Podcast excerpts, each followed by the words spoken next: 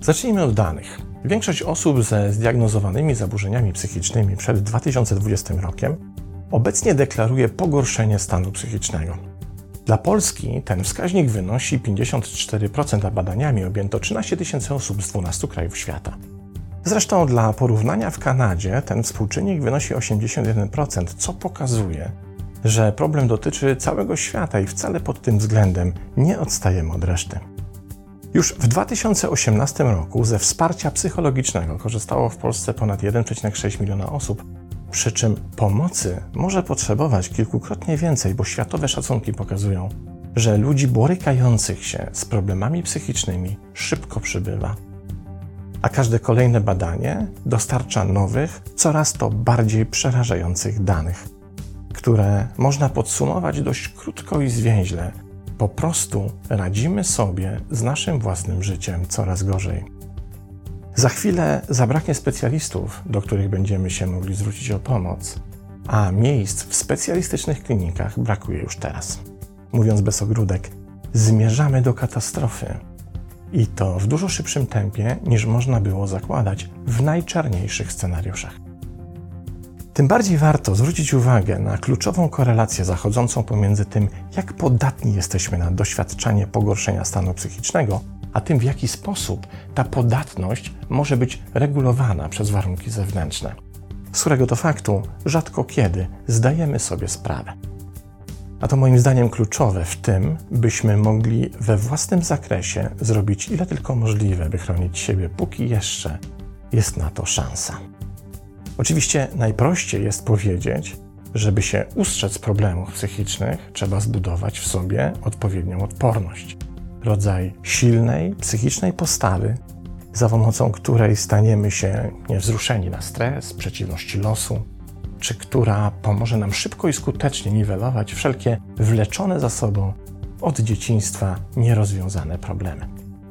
Od razu tutaj nasuwa się teoria nauk psychologicznych niejakiego psikuty, o potrzebie posiadania silnej psychiki z filmu Chłopaki nie płaczą. Ale nawet tak wybitny specjalista nie byłby w stanie dokładnie zdefiniować, na czym tak naprawdę ma polegać i z jakich cech się składać ta życzeniowa siła. Możemy też spróbować szukać nieco po omacku, wymieniając konkretne cechy charakteru czy predyspozycje, które wydają się chronić nas przed destrukcyjnymi wpływami życia na naszą głowę.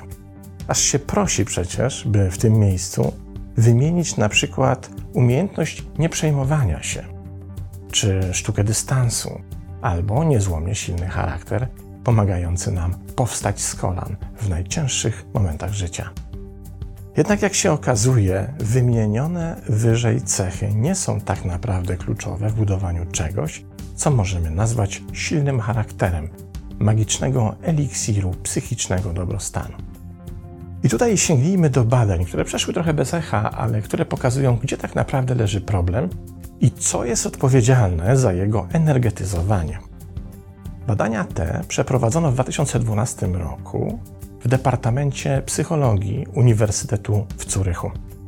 Założono w tych badaniach tezę wynikającą już z prac wcześniejszych badaczy, ale jak dotąd nietestowaną tak kompleksowo, a mianowicie istnienie zależności pomiędzy konkretnymi cechami charakteru, które powszechnie uważane są za odpowiedzialne za tzw. Tak silny charakter, a trzema rodzajami dobrostanu: zadowoleniem z życia, ogólnej oceny własnego stanu zdrowia oraz samooceny sprawności fizycznej. By wykazać, czy istnieje przyczynowa relacja pomiędzy badanymi mocnymi cechami charakteru a naszym zdrowiem. Okazało się, że tak zwane silne cechy charakteru mają olbrzymi wpływ nie tylko na to, w jaki sposób czujemy się pod względem fizycznym, ale co najważniejsze, również psychicznym, a więc regulują naszą podatność na epizody obniżenia jakości stanu psychicznego. To badanie zaś na tyle wzbudziło ciekawość świata nauki, że szwajcarscy badacze w 2021 roku przeprowadzili kolejne badania, które obejmowały 17 wybranych cech charakteru, które z kolei uznano za odpowiedzialne za jego siłę oraz to, w jaki sposób posiadanie tych cech wpływa na nasz psychiczny dobrostan. Badaniom poddano m.in. występowanie takich cech jak kreatywność, wytrwałość, odwaga, sprawiedliwość, ciekawość, pokora, cechy przywódcze, zdolność do wybaczania i inne. Następnie porównano wyniki występowania danej cechy z tym, w jaki sposób uczestnicy badań radzili sobie z wyzwaniami dnia codziennego, znajdując się pod stałą dwutygodniową obserwacją. W ten sposób powstała sieć udowodnionych powiązań pomiędzy tym, jakim charakterem dysponujemy, a tym, w jaki sposób na przykład przezwyciężamy sytuacje, zdarzenia czy inne bodźce, które mogą mieć wpływ na pogorszenie naszego stanu psychicznego. Wyłoniono trzy cechy, które w tej kwestii stanowią nasz największy oręż.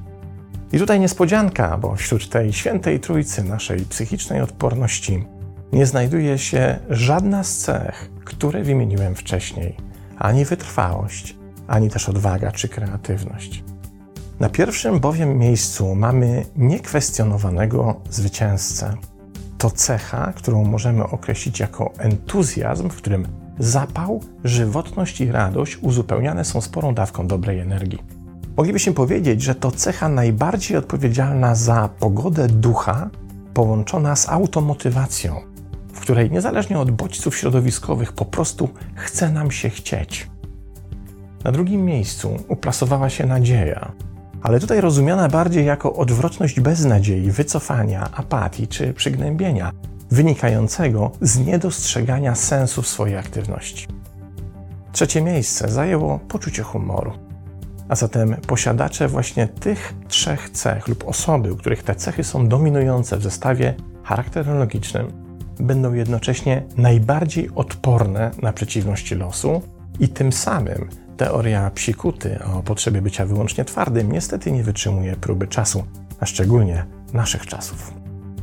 Jest jednak w tym pewien haczyk, nad którym badacze jeszcze nie zdążyli się pochylić.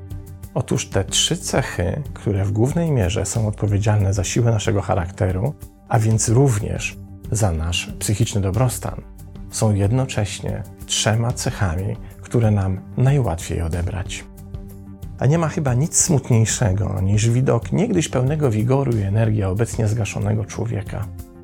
Czy status kogoś, kto uznał, że nie ma już nadziei i nie znajduje w sobie nawet już najmniejszej chęci na zdystansowany, nawet absurdalny, ale zawsze dowcip. Kiedy zaś wyobrazimy sobie taką osobę bez entuzjazmu, energii, radości, nadziei i poczucia humoru, to nie trzeba badań naukowych czy lektury wielu tomów specjalistycznych rozpraw by zorientować się, po jak niebezpiecznym, psychicznym, grząskim gruncie stąpa. Stąd już niewiele trzeba, by psychiczny dobrostan zmienił się w trwałe, psychiczne piekło lęków, zawiedzionych nadziei, inercji i wycofania. Te trzy cechy, a dokładniej mówiąc to, z jaką łatwością dajemy je sobie odebrać, pokazują nam tak naprawdę, jak krucha może być nasza psychika. Tym bardziej więc warto na chwilę przyhamować nasz życiowy bieg i przemyśleć, co i kto nam je odbiera oraz w jakich okolicznościach jesteśmy najbardziej narażeni na ich utratę. Tam trzeba szukać przyczyn pogarszającego się stanu psychicznego społeczeństw i to na całym świecie. A dopiero wówczas może nam się udać wreszcie zamiast leczyć skutki, po prostu zająć się usunięciem przyczyny naszych psychicznych problemów. Поздравляем!